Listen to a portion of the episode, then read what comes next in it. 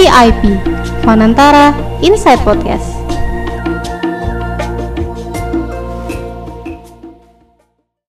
Halo VIPers, welcome back to another episode of Fanantara Inside Podcast dengan aku Michelle. Dan ada nih yang nemenin aku hari ini. Halo semuanya, aku Ica di sini. Jadi guys, sebelum kita mulai podcast kita hari ini yang tentunya bakal seru banget, aku cuma mau kasih tahu nih bahwa kita sudah memasuki bulan April loh. Dan bulan April ini pada tanggal 22 tepatnya, orang-orang di seluruh dunia akan memperingati Hari Bumi. Pasti VIPers pernah dengar tentang Hari Bumi ya. Yang menarik adalah tema tahun ini adalah Restore Our Earth atau memulihkan bumi kita. Jadi menurut aku topik hari ini cukup relevan ya karena kita akan membahas e, cara membalikan alam ke kota-kota kita. Betul banget nih Mitch. Memulihkan bumi kita itu bisa terlihat seperti banyak hal, kayak mempraktikkan gaya hidup yang zero waste atau belajar soal masalah lingkungan yang ada di Indonesia dan juga mempraktikkan dalam kehidupan kita. Kalau kawan-kawan tertarik nih, langsung aja deh check out Spotify kita di Fanantara Inside Podcast, karena kita udah membahas banyak banget topik menarik kayak batu bara, sampah, dan juga masyarakat adat dan pangan.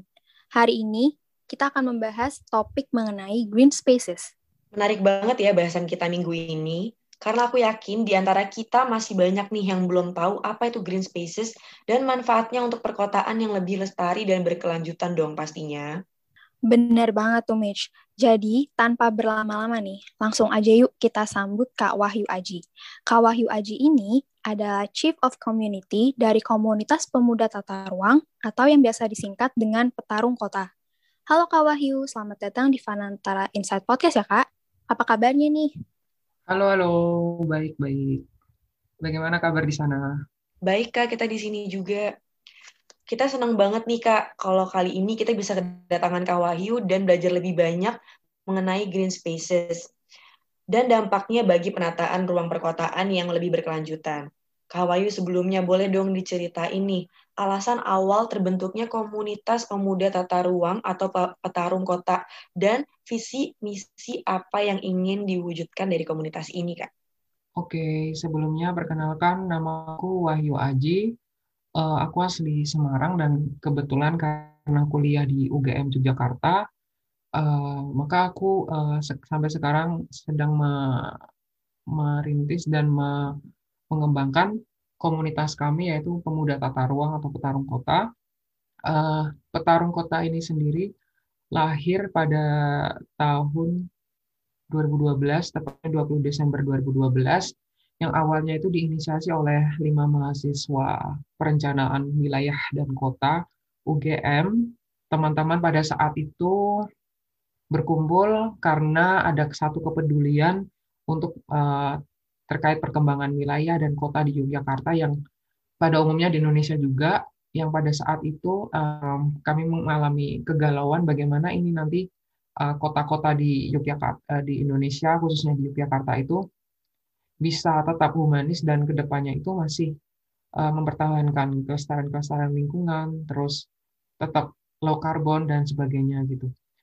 Adapun visi misi dari komunitas kami yaitu memasyarakatkan tata ruang dan menata ruang masyarakat. Jadi harapannya petarung kota ini hadir uh, di tengah masyarakat untuk bisa menjadi uh, satu udara segar tersendiri agar kita bisa saling ber, kolaborasi dan kerjasama untuk mewujudkan kota yang lebih sehat, lebih humanis.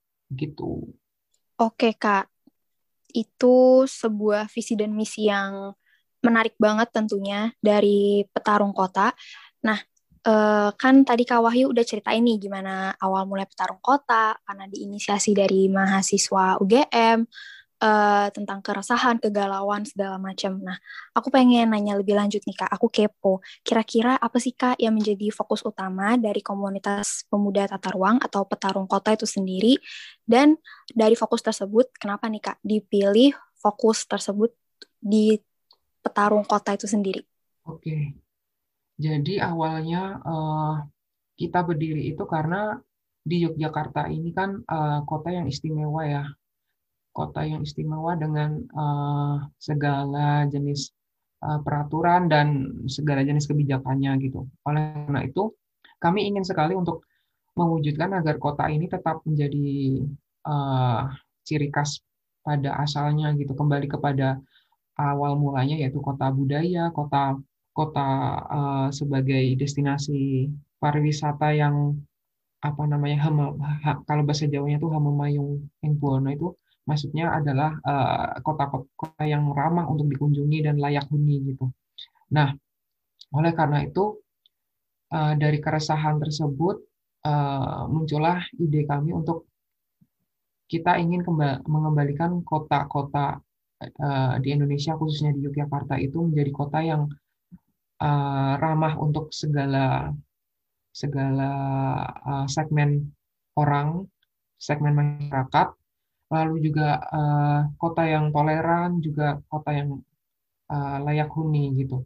Jadi jadi kita uh, sudah sedikit banyak mengadvokasi beberapa daerah yang uh, semisal tadinya itu uh, kumuh, terus kekurangan tempat-tempat uh, untuk berinteraksi sosial, terus tempat-tempat yang padat itu kita coba advokasikan untuk bisalah kita bisa hidup bersama-sama dengan uh, apa namanya hak dan kewajiban kita dipenuhin sama rata gitu antar warga kota. Juga uh, berawal dari uh, teori-teori pembangunan konvensional ya yang gimana yang di mana uh, ekonomi, lingkungan hidup dan sosial itu haruslah berdampingan secara sustainable gitu. Nah, tiga hal dasar ini juga menjadi uh, patokan kami agar ke depannya itu jika ada pembangunan kota yang uh, dilakukan ke depannya agar tetap mempertahankan dan mempertimbangkan aspek-aspek kehidupan yang tidak bisa kita lepaskan gitu satu sama lain keterikatannya itu ekonomi, lingkungan hidup dan sosial. Begitu sih. Oke kak, aku setuju banget tuh kalau dibilang Jogja itu ramah, nyaman dan aman juga di sana, sangat seru dan menyenangkan buat kita memilih destinasi wisata di Jogja.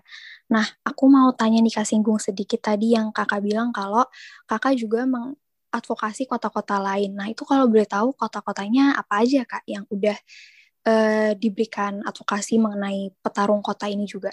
Uh, kami lebih ke kayak support adanya teman-teman yang berkegiatan di kota lain gitu sih. Jadi kayak kita tidak terlibat langsung untuk advokasi di sana, cuman hanya uh, support. Oh, ada nih teman-teman kita yang di Makassar, terus Bandung sama Jakarta itu yang sama-sama uh, mengkampanyekan tentang uh, kota layak huni, kota kota ramah anak, kota ramah lansia dan orang tua, terus apa namanya tentang daerah resapan, terus daerah uh, open green space kayak gitu-gitu. Jadi lebih ke support secara media campaign gitu sih. Kalau yang di Jogja sendiri memang yang difokuskan gitu ya, kayak daerah pinggiran sungai di Jogja itu kan ada terdiri dari empat sungai besar ya. Nah dari empat sungai besar ini kami harapannya pemerintah itu bisa memperhatikan warga-warga yang tinggal di sekitaran sungai itu karena uh, mau nggak mau kita sudah hidup berdampingan sejak lama bersama sungai dan bersama mereka gitu. Oleh karenanya uh, ya kita bisa harus bisa menjadi solusi untuk semua orang gitu. Oke, jadi lebih ke kota-kota lain seperti Makassar, Bandung, dan Jakarta itu lebih kepada pemberian support aja ya Kak sebagai kayak advice, support ke kota-kota lain untuk ikut memberikan uh, bantuan dalam membangun kota-kota tadi menjadi lebih baik gitu ya Kak? Ya, support kampanye gitu. Nah, aku mau nanya nih Kak, tentang pandemi COVID-19 yang udah berjalan selama setahun ini.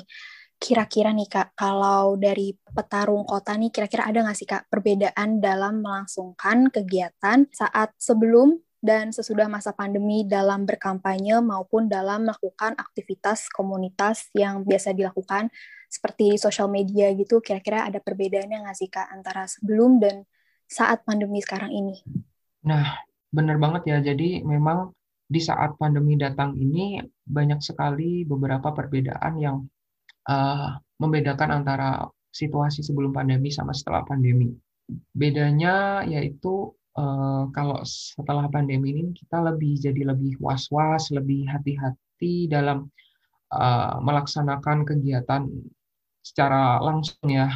Jadi lebih banyak interaksi yang dilakukan di media sosial daripada di secara tatap muka gitu. Karena ya itu tadi untuk menjaga protokol kesehatan uh, sehingga cukup berpengaruh terhadap tingkat pemahaman orang itu terhadap apa yang kita ingin kampanyekan sih sebenarnya.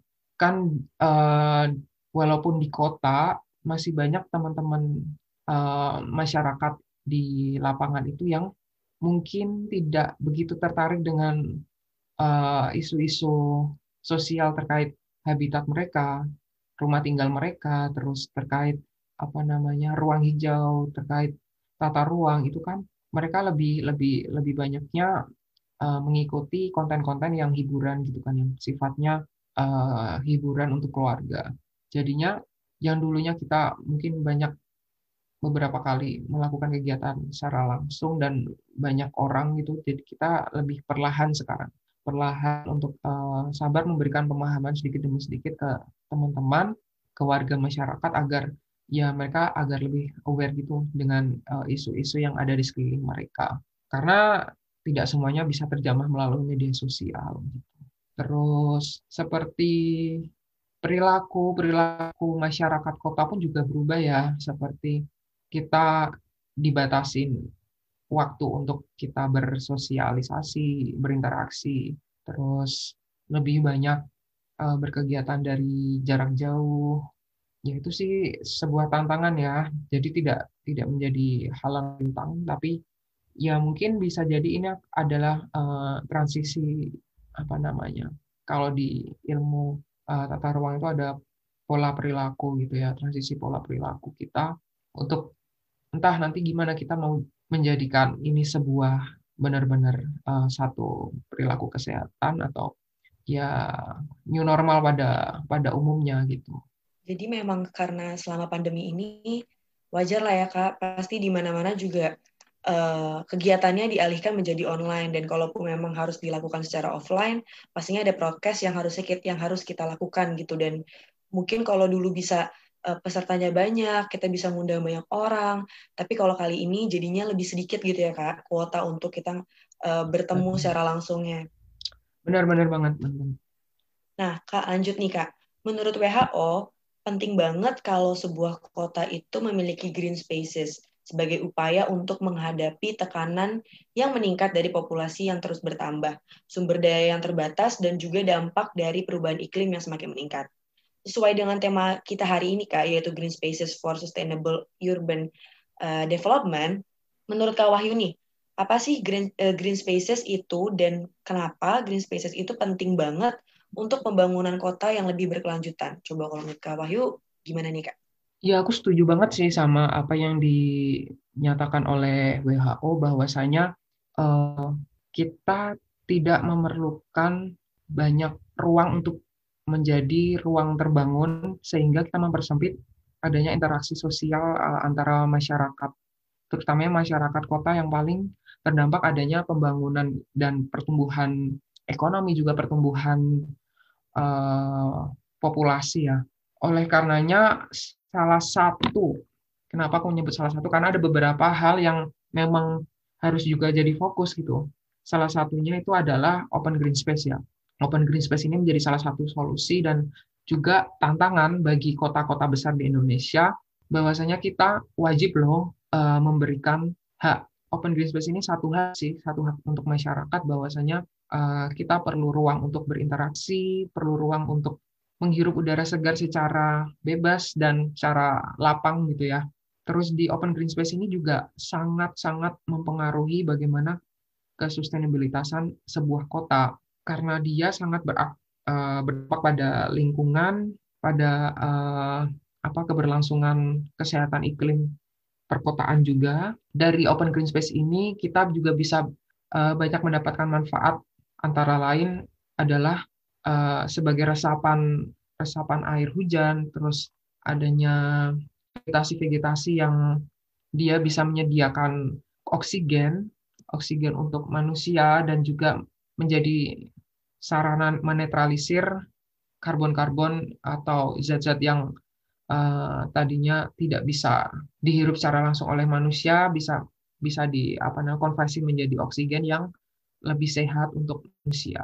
Nah, tapi di sisi lain memang uh, kita menghadapi tantangan bahwa di kota besar seperti saat ini semakin semakin susah nih untuk mengadakan program pembukaan lahan untuk open green space. Oleh karena itu ya memang kita perlu adanya kebijakan yang tegas sih terhadap uh, apa namanya beberapa hal yang bisa dilakukan mungkin ya seperti kita mendorong untuk pemerintah melakukan lebih keberpihakan kepada apa namanya vertical building misal rusun gitu ya. Terus sosialisasi juga terhadap uh, masyarakat bahwa penting adanya eh, ruang-ruang uh, terbuka hijau yang sehat terus penting adanya rumah atau hunian yang sehat sehingga mereka menyadari bahwa oh memang kita harus uh, bergotong royong untuk mewujudkan semua itu sehingga ya vertical building ini bisa jadi salah satu solusi jika mereka mau ya. Tapi kalaupun mereka yang khususnya di pinggiran sungai ini tidak mau uh, dipindahkan ke sana ya cari solusi-solusi lain yang lebih solutif itu bersama mereka. Mungkin 3M-nya itu lebih diperketat. 3M itu madep, munggah, mundur. Itu artinya menghadap sungai, terus naikkan bangunan dan mundur 3 sampai 5 meter dari bibir sungai. Banyak sekali solusi-solusi yang sebenarnya bisa diciptakan uh, di tengah tantangan lahan yang lahan terbuka yang sempit di perkotaan gitu. Tinggal bagaimana eh, pihak-pihak uh, yang berpotensi untuk mewujudkan itu bisa saling bekerja sama seperti masyarakat, pemerintah, NGO, LSM dan komunitas. Tadi Kak Wahyu singgung tentang um, ruang bebas, udah gitu kenyamanan dalam menghirup udara segar. Nah Kak, seperti yang kita tahu kan pandemi ini kan udah setahun berlangsung nih Kak. Nah, sekarang tuh kalau misalnya kita sadar di sosial media itu kita tuh sekarang punya kecenderungan untuk seneng banget uh, pergi ke ruang terbuka sebagai tempat pilihan baru gitu kak dalam destinasi wisata. Contohnya kayak sekarang kita seneng banget nih ke hutan kota, kita bisa ngelakuin piknik, kita bisa main di curug segala macem, segala area yang terbuka itu jadi pilihan tempat jalan-jalan atau refreshing baru nih kak di Indonesia maupun kota-kota lain. Nah, aku mau nanya nih Kak, kira-kira itu tuh sebenarnya sesuatu yang bakalan bijak atau bakalan memberikan efek long term yang baik nggak sih Kak buat Indonesia sendiri gitu loh. Karena akhirnya kita kebuka nih pengetahuannya, matanya kalau banyak loh tempat wisata baru yang nggak itu-itu doang, nggak mau-mau lagi, dan kita bisa juga sambil menghirup udara segar kayak yang Kak tadi Wahyu bilang. Iya, iya benar banget. Uh, itu salah satu dampak positif dari uh, munculnya pandemi ini ya. Ada hikmah di balik sebuah uh, bencana ya memang ya semua itu. Uh, oleh karenanya sebenarnya ini menjadi titik balik kita bersama-sama masyarakat itu bisa bergotong royong untuk kembali me, me, apa namanya revitalisasi ulang daerah-daerah resapan, daerah-daerah hijau terbuka untuk kita bisa menjadi agen-agen lokal untuk menciptakan ruang-ruang yang lebih sehat gitu kan. Karena ya virus-virus sebenarnya virus-virus apa pun itu kan banyak kita temui di daerah-daerah yang uh, tertutup, lembab dan kurang ventilasi, kurang pencahayaan gitu kan. Dia gampang lebih mudah berkembang daripada di tempat-tempat yang terbuka dan terpapar sinar matahari secara langsung. Oleh karena itu ya open green space ini menjadi benar-benar salah satu hal yang wajib didorong pemerintah untuk dilaksanakan kembali gitu kegiatannya. Karena ya sangat-sangat mendukung sekali kembalinya kesehatan-kesehatan umat manusia, masyarakat perkotaan khususnya agar uh, bisa menikmati lagi udara segar, terus sinar matahari secara langsung, lalu apa namanya secara psikologis juga berdampak juga kesehatan psikologisnya karena kita uh, berinteraksi secara langsung dengan alam, dengan lingkungan, dengan manusia secara langsung walaupun tetap harus melakukan protokol kesehatan. Jadi benar-benar sangat urgent ya untuk kita segera mewujudkan ruang-ruang terbuka hijau yang memang layak untuk kita sama-sama uh, wujudkan.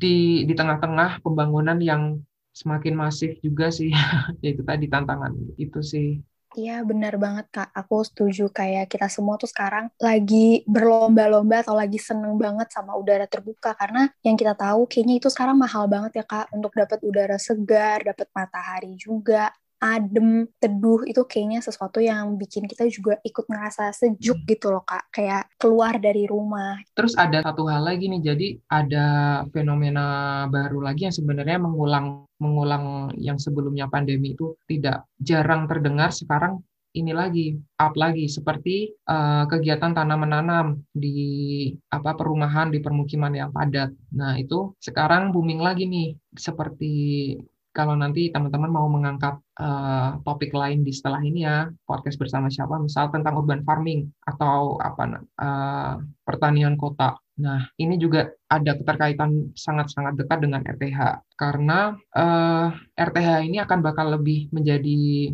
fungsinya lebih efektif dan uh, berdampak langsung oleh masyarakat eh kepada masyarakat itu jika dikombinasikan dengan pertanian kota. Karena uh, pertanian kota ini juga menjadi salah satu solusi atas permasalahan pangan ya pangan yang semakin ke sini semakin susah kita reach atau capai pada masyarakat-masyarakat dan ekonomi bawah. Terus kita bisa menjaga keberlangsungan gizi masyarakat melalui pertanian kota. Kita juga bisa mengedukasi masyarakat terkait pentingnya makan makanan-makanan bergizi, kembali ke sayuran, dan kita kurangin makanan-makanan yang fast food. Seperti itu sih. Jadi mungkin nanti Penantara bisa mengadakan khusus sendiri ya bagaimana pentingnya pertanian kota yang berdampak sangat positif terhadap keberlangsungan hidup masyarakat kota. Setuju banget sama Kak Wahyu nih.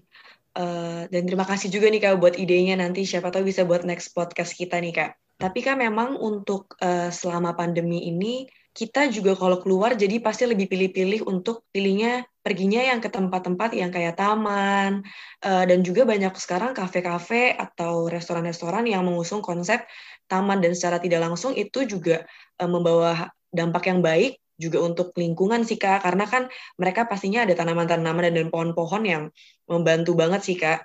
Dan aku setuju juga sama Kakak terkait juga ruang uh, ruang tata kota ruang tata hutan ini dan juga dengan pertanian kota. Tapi memang kita mungkin sebagai komunitas, sebagai NGO mungkin kita hanya bisa mungkin sedikit dampak yang bisa kita lakukan karena kita hanya bisa memberikan sosialisasi.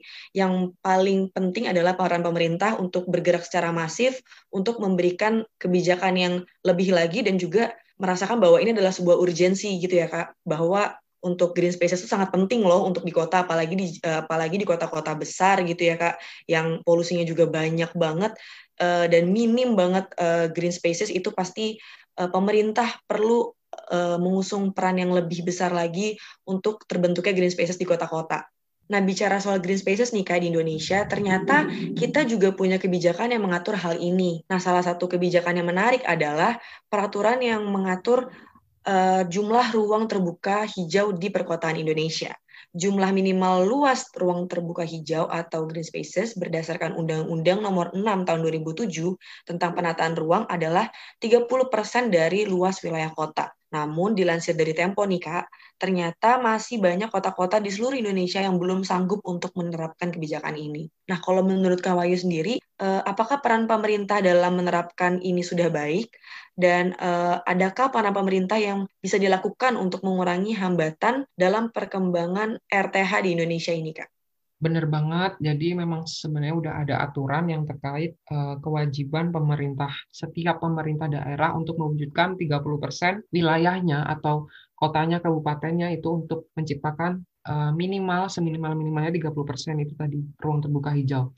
Sayangnya, sayangnya memang khususnya kota-kota besar itu uh, banyak yang belum memenuhi target tersebut, termasuk salah satunya Jogja yang kota istimewa, kota yang semua serba ada dari pendidikan, wisata, budaya. Uh, itu belum mencapai itu bahkan masih belum mencapai separuhnya itu juga belum sekitar masih sekitar 12 persen 13 persen. Itu pun uh, masih didominasi oleh uh, ruang terbuka privat bukan yang publik jadi seperti sawah, pekarangan rumah, dan sebagainya. Oleh karena itu, ya tadi itu menjadi tantangan tersendiri bagi pemerintah daerah untuk bisa mewujudkan 30% minimal uh, lahan terbuka hijau di tengah-tengah uh, pembangunan yang semakin masif, populasi yang semakin kita sulit handle bersama, terus di tengah-tengah pandemi juga, ya memang mungkin kita harus bersabar ya bersama-sama sembari menunggu pemerintah lagi-lagi untuk menciptakan ruang-ruang tersebut, kita pastinya juga bisa melakukan hal-hal yang kontributif ya. Eh, kita mengajak masyarakat bersama-sama untuk mendorong eh, menciptakan ruang-ruang mandiri kolektif secara eh, terbuka hijau, terus bersama sesama komunitas atau NGO, LSM itu potensi banget untuk kita bisa menciptakan ruang-ruang tersebut gitu sebenarnya tanpa harus tunggu menunggu dari pemerintah. Walaupun sebenarnya yang mempunyai kebijakan secara masif, secara uh, instruktif, secara langsung itu pemerintah, tapi kita juga bisa kok, walaupun tidak langsung secara skala besar, tapi setidaknya kita jadi agen-agen kecil yang uh, nantinya itu bisa dikumpulkan jadi satu secara besar untuk memenuhi target 30% tadi itu. Terus lahan-lahan kosong, misal lahan-lahan kosong atau lahan-lahan yang sudah hijau, itu kita bisa maksimalkan lebih lagi. Kayak uh, tadi itu misal mengkombinasikan dengan pertanian kota atau hutan kota atau uh, maksimalkan daerah aliran pinggir sungai itu juga bisa. Banyak hal sebenarnya yang bisa uh, kita khususnya anak-anak muda nih yang masih energinya banyak kita lakukan bersama-sama tentunya harus kolaboratif ya biar ya kerjanya bisa lebih ringan, lebih lebih banyak dampaknya, lebih besar uh, area yang kita bisa capai. Gitu. Iya, setuju banget Kak. Kalau harus saling berkolaborasi ya Kak, biar kita bisa sama-sama mewujudkan yang terbaik buat um, kota kita, buat negara kita juga, karena biar kita juga bisa menikmatinya untuk selamanya. Nah, Kak, aku mau tanya nih, kayak tadi yang Kak Wahyu udah singgung tadi barusan kalau ternyata kita belum memenuhi target 30% itu, menurut Kak Wahyu sendiri, apakah pemahaman masyarakat Indonesia nih tentang green spaces ini udah bijak atau kayak udah well known gitu Kak? Untuk lebih spesifik, mungkin di Jogja gitu, apakah sudah cukup baik bagi masyarakat di sana atau masih kurang gitu Kak? Karena tadi Kakak juga singgung baru sekian belas persen aja nih yang kira-kira udah kita bisa capai tentang pengadaan green spaces di Indonesia?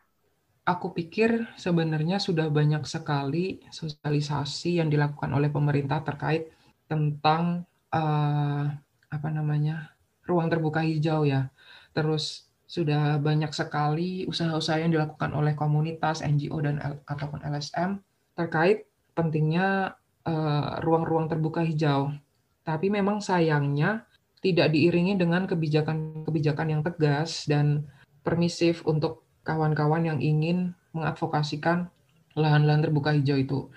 Seperti yang telah terjadi di lapangan ya, kita masih banyak menemui pembangunan-pembangunan hotel, mall, atau bangunan-bangunan lain yang dia merebut atau mereklaim kawasan produktif hijau atau kawasan terbuka hijau gitu. Terus juga masih banyak eksploitasi-eksploitasi lingkungan lainnya yang itu dilakukan di desa-desa yang sebenarnya itu juga berdampak sangat signifikan di kota-kota gitu. Misal seperti kemarin banjir yang terjadi di uh, Jakarta itu tidak semerta-merta hanya disalahkan intensitas hujannya, tapi pasti ini ada masalah di hulu seperti perusakan lingkungan hijau, terus uh, apa namanya hilangnya daerah-daerah resapan di sekitar Jakarta, terus tidak diperhatikannya daerah-daerah badan sungai yang sehingga menyebabkan dampak akumulatif yaitu banjir kayak gitu.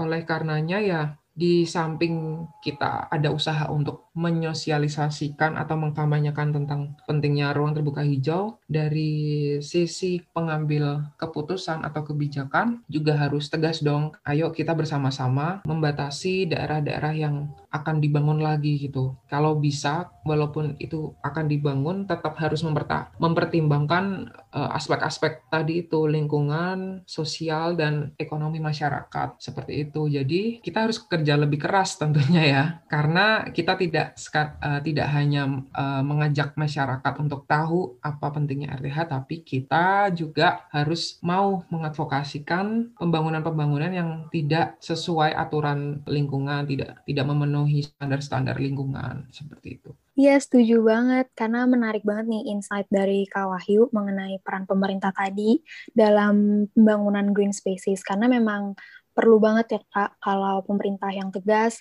kitanya juga bisa mengikuti dengan baik dan akhirnya kita bisa mewujudkan um, area yang baik juga di ke depannya.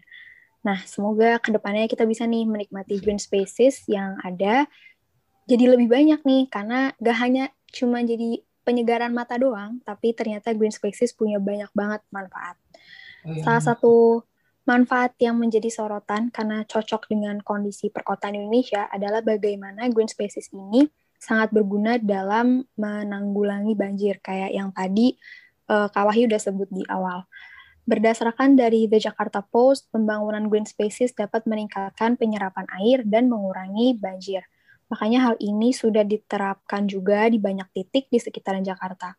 Nah, menurut Kak Wahyu nih, bagaimana atau apakah pembuatan green spaces di Jakarta ini udah optimal atau bagaimana nih tanggapan kakak untuk kota-kota lain yang sering kebanjiran, yang langganan banjir tiap tahunnya juga, apakah green spaces ini bisa jadi solusi buat mereka? Nah, kebetulan nanti uh, meng, me, me, menyambut Hari Bumi, kita akan dari Petarung Kota juga akan mengadakan nobar ya terkait perubahan iklim, terkait juga dengan situasi lingkungan kita saat ini di kota-kota besar terutamanya. Nah, kebetulan Jakarta ini kan ada di daerah pantai utara Pulau Jawa. Nah, ini benar-benar harusnya dipertimbangkan atau dipikirkan oleh pemerintah setempat bahwasanya Jakarta ini adalah termasuk dalam daerah yang seharusnya kita perbanyak daerah resapan airnya bukan daerah terbangunnya. Karena apa? Karena daerah uh, utara, pantai utara Jawa itu pertama tanahnya itu uh, beda jenisnya dengan tanah yang ada pada uh, daerah Jawa bagian tengah ataupun selatan, di mana daerah pantai utara Jawa ini tanahnya lebih ke jenis tanah rawa yang uh, mudah sekali, bukan mudah, uh, lebih ke susah untuk menyerap air, terus ya harusnya diperbanyak daerah resapan bukan daerah terbangun karena paling dekat dengan pantai utara, eh paling dekat dengan daerah laut sehingga akan mengalami peristiwa pasang surut yang sering lebih sering terjadi daripada daerah pantai selatan Jawa gitu. Oleh karenanya yang kita rasakan sekarang ini sebenarnya yang kita kira banjir, rob itu ya sebenarnya itu peristiwa alam yang sudah normal pada umumnya. Yang salah siapa? Yang salah kita manusia yang tidak menaati aturan alam kalau harusnya daerah-daerah tersebut itu tidak tidak perlu atau tidak tidak bisa terbang dibangun oleh bangunan-bangunan permanen gitu. Itu yang pertama. Terus yang kedua itu tadi kebijakan pemerintah daerah terkait pembangunan juga belum tegas sesuai ekspektasi kita gitu. Pemindahan ibu kota baru menurutku juga bukan satu solusi yang solutif juga ya. Kayak bisa jadi kita akan membangun sister city yang sama dengan Jakarta yang masalahnya hanya dipindahkan ke sana yang di sini juga belum selesai. Cuman nggak tahu ya, mungkin mereka punya pertimbangan-pertimbangan lain terkait itu sehingga Jakarta ini benar-benar dari dulu itu sudah diupayakan berbagai macam cara tapi tetap saja masih saja banjir karena ya itu tadi antara penerapan program lingkungan dengan kegiatan pembangunan itu masih lebih tinggi kegiatan pembangunannya daripada penerapan program lingkungannya. Oleh karenanya ya mau se mau sekencang apa pun program lingkungannya tidak terkejar tuh karena pembangunannya atau tingkat populasinya terkait juga dengan populasi kendaraan dan sampah dan sebagainya itu kan saling terkait semua ya itu lebih tinggi gitu kan. Jadinya ya mungkin sampai sekarang kita belum bisa nih menemukan uh, satu solusi yang cepat untuk mengatasi banjir di Jakarta walaupun sebenarnya udah banyak upaya yang dilakukan pemerintah daerah sih cuman itu tadi lebih banyak yang pembangunannya yang lebih tinggi itu tadi Jadi memang bisa dikatakan kalau hal ini belum optimal ya Kak, karena balik lagi seperti yang Kakak bilang sebelumnya bahwa ada ketimpangan antara penerapan ruang hijau dengan pembangunan yang masif dan juga populasi penduduknya mungkin berlebihan gitu ya Kak. Menurut Kakak gimana nih kalau misalnya tentang kampung-kampung tematik uh, yang mengusung Go Green gitu, menurut Kakak bisa nggak sih uh, sebagai salah satu bantuan untuk menciptakan green spaces dan juga ya mengurangi bencana-bencana alam yang kayak seperti banjir gitu kak. Iya, benar banget.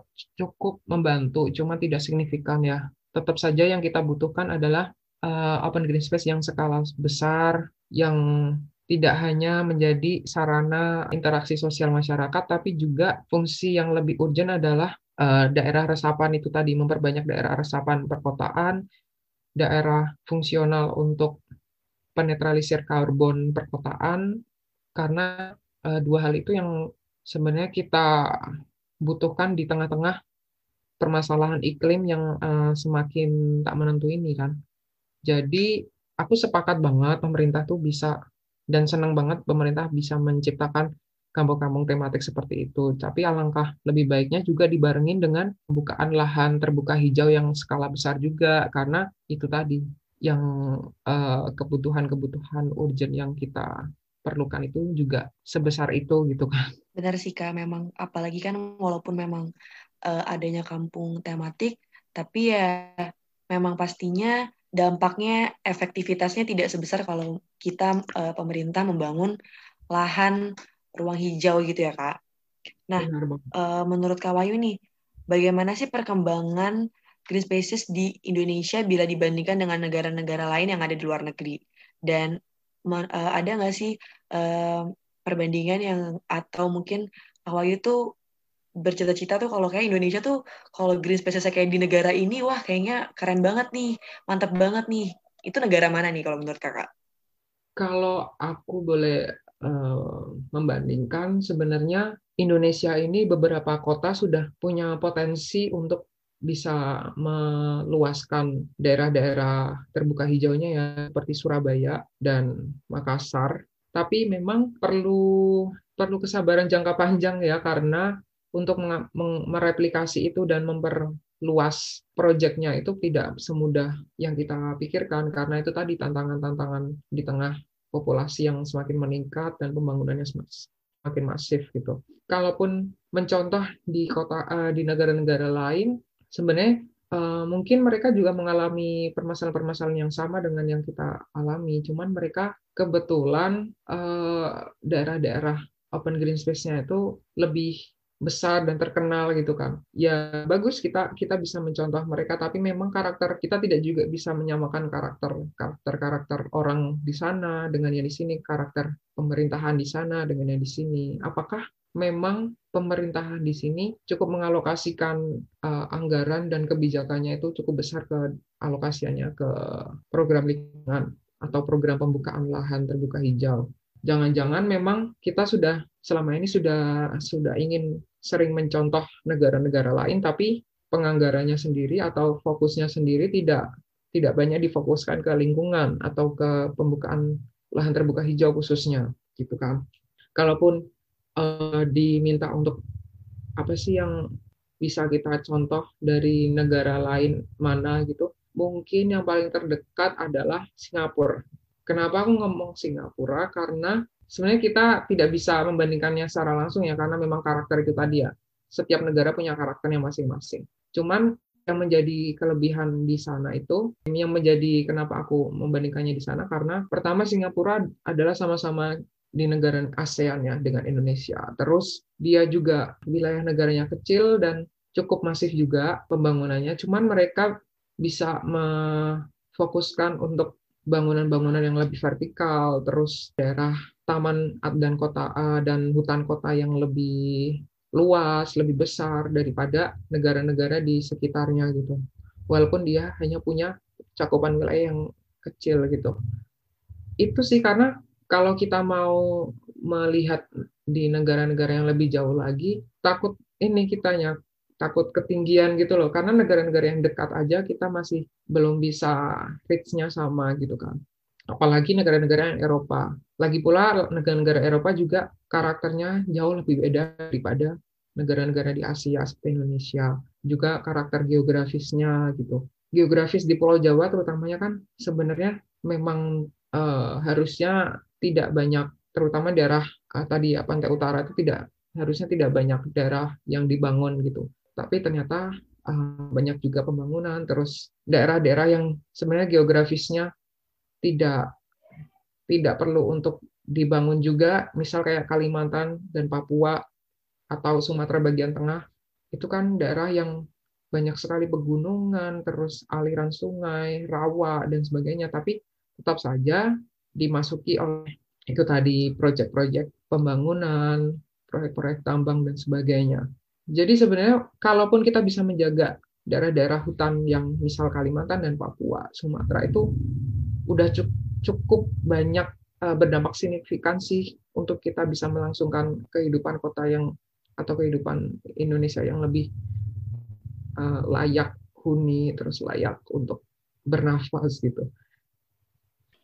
Iya, aku setuju banget sih Kak, kalau ternyata beda negara, beda daerah itu treatmentnya juga beda lagi ya Kak, buat kita menyesuaikan dengan apa yang terjadi di Indonesia gitu loh.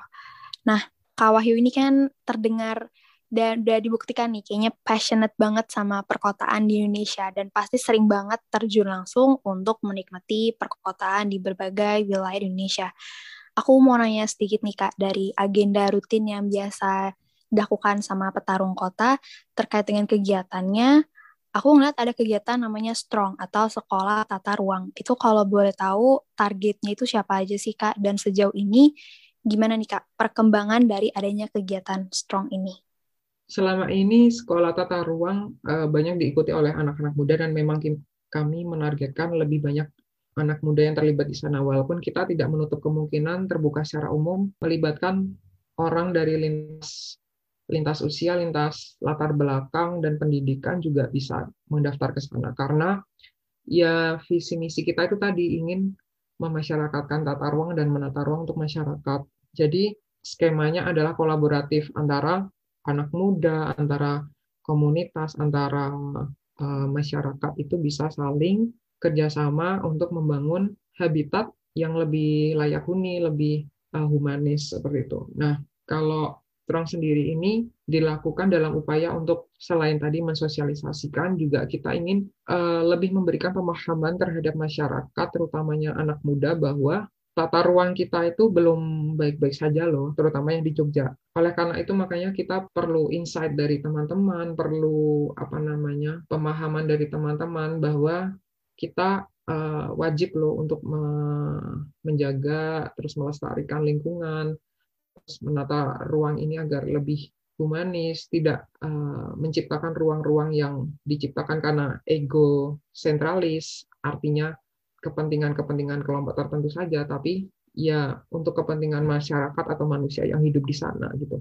Tema-tema yang kita ambil juga tiap tah tiap dua tahun sekali itu berbeda.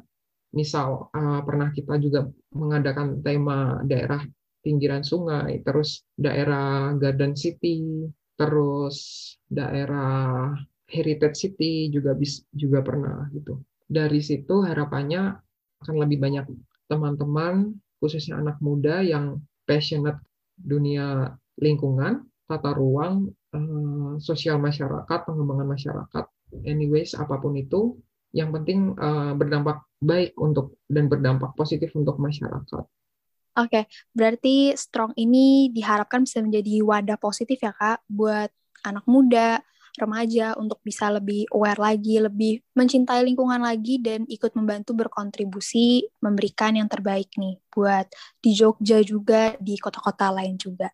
Nah, ngomongin soal uh, strong agenda dan kegiatan lain yang dilakukan oleh petarung kota, kira-kira ada nggak sih kak tantangan terbesar kakak nih yang kakak lakukan selama menjadi bagian dari petarung kota, selama menjalani berbagai proyeknya, kira-kira ada nggak sih kak tantangan terbesar yang menurut kakak um, ini cukup sulit untuk dilakukan, tapi ternyata uh, petarung kota bisa nih ngelewatin ini. Kira-kira apa tuh kak?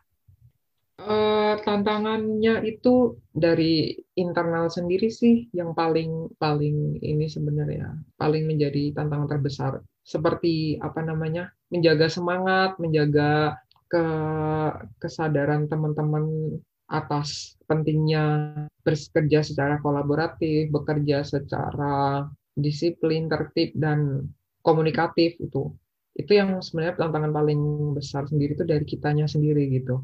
Kalau dari luar sebenarnya banyak juga, cuma lebih lebih mudah untuk sebenarnya lebih mudah untuk di handle atau diatasi kalau misal kita memang mau gitu, kita punya punya uh, energi untuk bisa mengatasi itu. Tapi kalau dari internal kita sendiri itu kan jauh lebih susah ya biasanya. Karena ya tantangan itu tadi komunikasi antar anggotanya atau apa namanya ego-ego dari setiap anggotanya, pemikiran-pemikiran yang harus menjadi satu. Itu kan yang lebih susah untuk kita.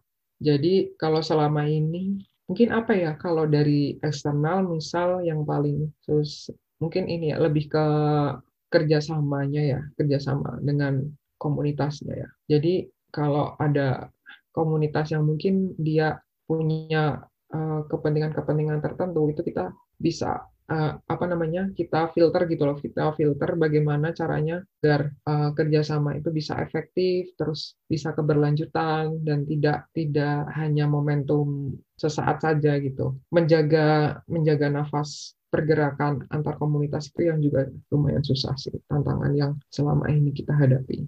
Jadi mungkin tantangan yang lebih sering dihadapin sama uh, petarung kota selain uh, komunikasi internal juga pada waktu mau ada kolaborasi ya kak. Dan ter, terlebih sekarang pas lagi pandemi semakin ya. uh, aku percaya pasti akan bertambah gitu ya kak tantangannya. Maksudnya tantangan untuk menjadi lebih kreatif tantangan untuk bagaimana caranya mengalihkan kegiatan yang tadinya biasanya onsite jadinya mau nggak mau online gitu ya kak. Benar-benar nah, iya uh, uh, aku mau tahu nih kak. Ada nggak sih cara buat kita untuk meningkatkan kesadaran masyarakat tentang pentingnya membuat dan menjaga green spaces di tengah perkotaan nih kak? Tentunya kita harus menghadapkan masyarakat itu pada realitas-realitas lingkungan yang sudah terjadi dan atau yang paling dekat akan terjadi gitu. Contohnya misal kejadian-kejadian krisis iklim akibat dampak krisis iklim yang sudah uh, pernah kita alami, misal kayak banjir, terus cuaca ekstrim yang dari kekeringan, panas, terus tiba-tiba hujan deras dan uh, intensitas hujan intensitas hujan tinggi itu bisa kita saling kaitkan, terus kita bisa kampanyekan bahwasanya sumber-sumber dari kejadian itu ya banyak dipengaruhi oleh karena hilangnya daerah-daerah resapan air, daerah ruang terbuka hijau yang sebenarnya wajib kita wujudkan bersama gitu. Kita sebagai uh, komunitas tentunya tidak mau menunggu menunggu menunggu terlalu lama dengan apa yang dilakukan oleh pemerintah. Jadi kita harus uh, aksi sesegera mungkin bersama masyarakat agar ya mereka lebih tahu lebih cepat, mereka lebih paham lebih cepat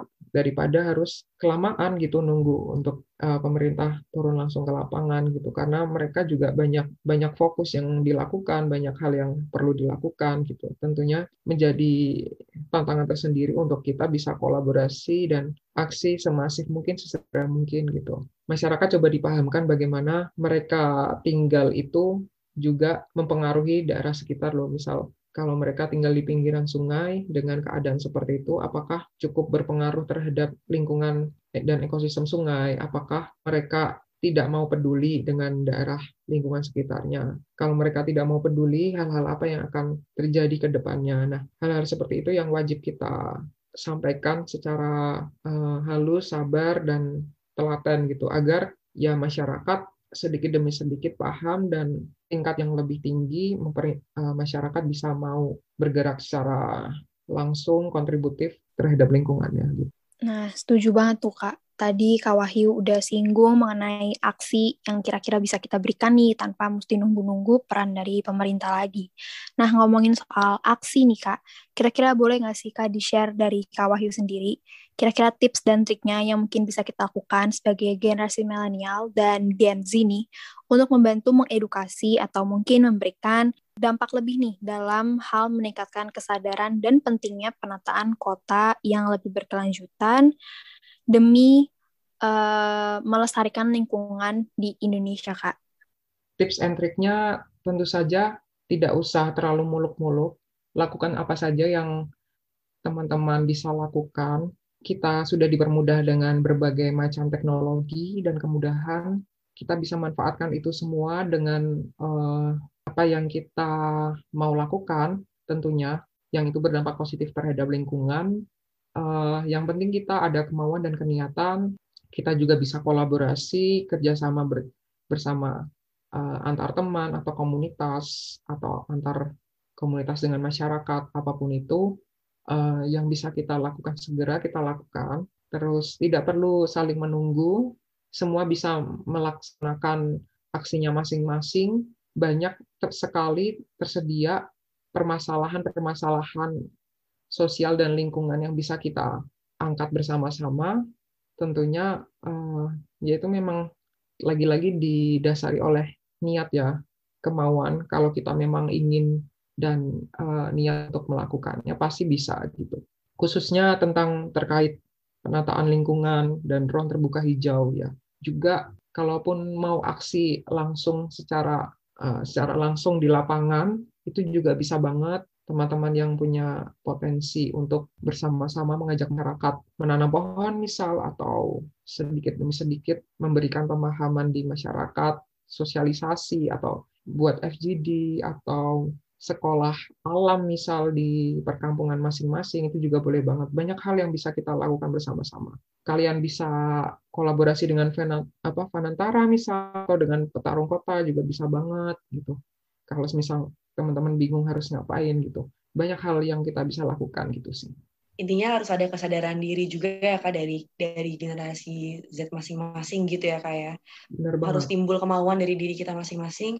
Kalau kita udah sadar tentang pentingnya itu pasti kita juga akan mencari cara bagaimana kita bisa membantu menciptakan green space bahkan di daerah terkecil dari lingkungan kita sendiri. Mungkin di rumah kita juga kita bisa menanam pohon gitu ya kak bermanfaat banget nih tips and trick dari kakak. Menambah wawasan kita juga dalam berperan lebih lagi dan kalau memang yang uh, VIPers nih bingung nih bisa apa ya gitu. Bisa lakuin kayak tadi yang kakak bilang, ikutan ke petarung kota aja gitu ya kayak ya. daripada bingung-bingung bisa apa gitu ya kak. Nah, hmm. adakah pesan yang ingin Kakak Wahyu sampaikan nih ke pemerintah, masyarakat, khususnya generasi milenial maupun Gen Z nih Kak, agar lebih menghargai dan turut serta dalam menjaga ruang terbuka hijau atau green space ini nih Kak. Silakan Kak. Kalau aku uh, boleh berpesan, jangan mudah menyerah, terutama kepada teman-teman muda yang energinya masih sangat besar, idenya sangat kreatif dan inovatif juga banyak. Uh, jangan pernah berhenti untuk tetap peduli terhadap lingkungan sekitarnya, uh, jangan abaikan hal-hal kecil yang itu bisa berdampak buruk pada lingkungan sekitar, misal membuang sampah sembarangan, terus abai terhadap pentingnya menanam pohon, terus membuka ruang terbuka hijau tadi tentunya. Jadi uh, lakukan dan pertahankan hal kecil apa pun itu yang bisa berdampak baik pada lingkungan kita dan stop uh, doing something yang uh, tidak perlu dan membuang-buang waktumu gitu. Karena kita sudah di ujung tanduk nih iklim kita juga makin krisis. Kalau kamu semakin abai kamu semakin apatis kamu nggak ada bumi kedua tidak ada bumi ketiga. Cuma ada bumi satu ini. Kalau kamu tidak jaga dengan serius wallahu alam nggak tahu nanti jadi apa kita. Bener banget nih Kak, karena kalau misalnya lingkungan kita rusak, lingkungan kita hancur juga yang rugi kan kita-kita juga ya Kak dan generasi di bawah kita tentunya. Nah, seru banget nih Kak sesi ngobrol-ngobrol kita kali ini karena nggak terasa udah hampir satu jam kita ngobrol-ngobrol tentang green spaces. Tapi tenang aja, masih banyak lagi info yang bisa kita dapetin nih tentang green spaces for sustainable urban development dan juga kegiatan-kegiatan dari Petarung Kota. Kalian bisa banget langsung kepoin aja sosial media dari Petarung Kota. Nah, Kak Wahyu, boleh nih di-share ke VIPers yang ada di rumah. Akun sosial medianya apa aja sih, Kak? Silahkan, Kak. Bagi teman-teman yang mau mengikuti media sosial kami, teman-teman bisa langsung follow at Petarung Kota di Instagram atau di Twitter juga kami ada, juga di Facebook. Itu aja sih kalau tiga, tiga media sosial kami. Nanti dari situ kalian bisa terhubung ke berbagai platform yang kita punya juga. Terima kasih sudah mendengarkan dan mau mengundang berpetarung kota. Terima kasih banyak Kak Wahyu. Nah, itu dia perjumpaan kita dengan Kak Wahyu dari Petarung Kota. Seperti yang sudah dijelaskan Kak Wahyu, yuk kita langsung kepoin uh, Instagramnya Petarung Kota, at Petarung Kota ya. Nah, VIPers, jangan lupa ya, Fanantara Insight Podcast bakal hadir dengan episode baru yang bakal seru setiap hari Rabu. Jadi siap-siap dengerin obrolan yang lain tentang soal lingkungan dan juga hutan. Karena menjaga lingkungan dan hutan bukan hanya tugas pemerintah ataupun petugas yang berwajib, tapi juga tugas kita dan semua manusia yang ada di, di bumi ini. Kalau gitu, mungkin sampai sini dulu ya episode VIP hari ini. Kalau ada kritik dan saran, boleh banget kalian langsung kirim ke direct message di Instagram kita at fanantara underscore com. Sampai jumpa. Sampai jumpa, Vibers. Sampai jumpa. Terima kasih.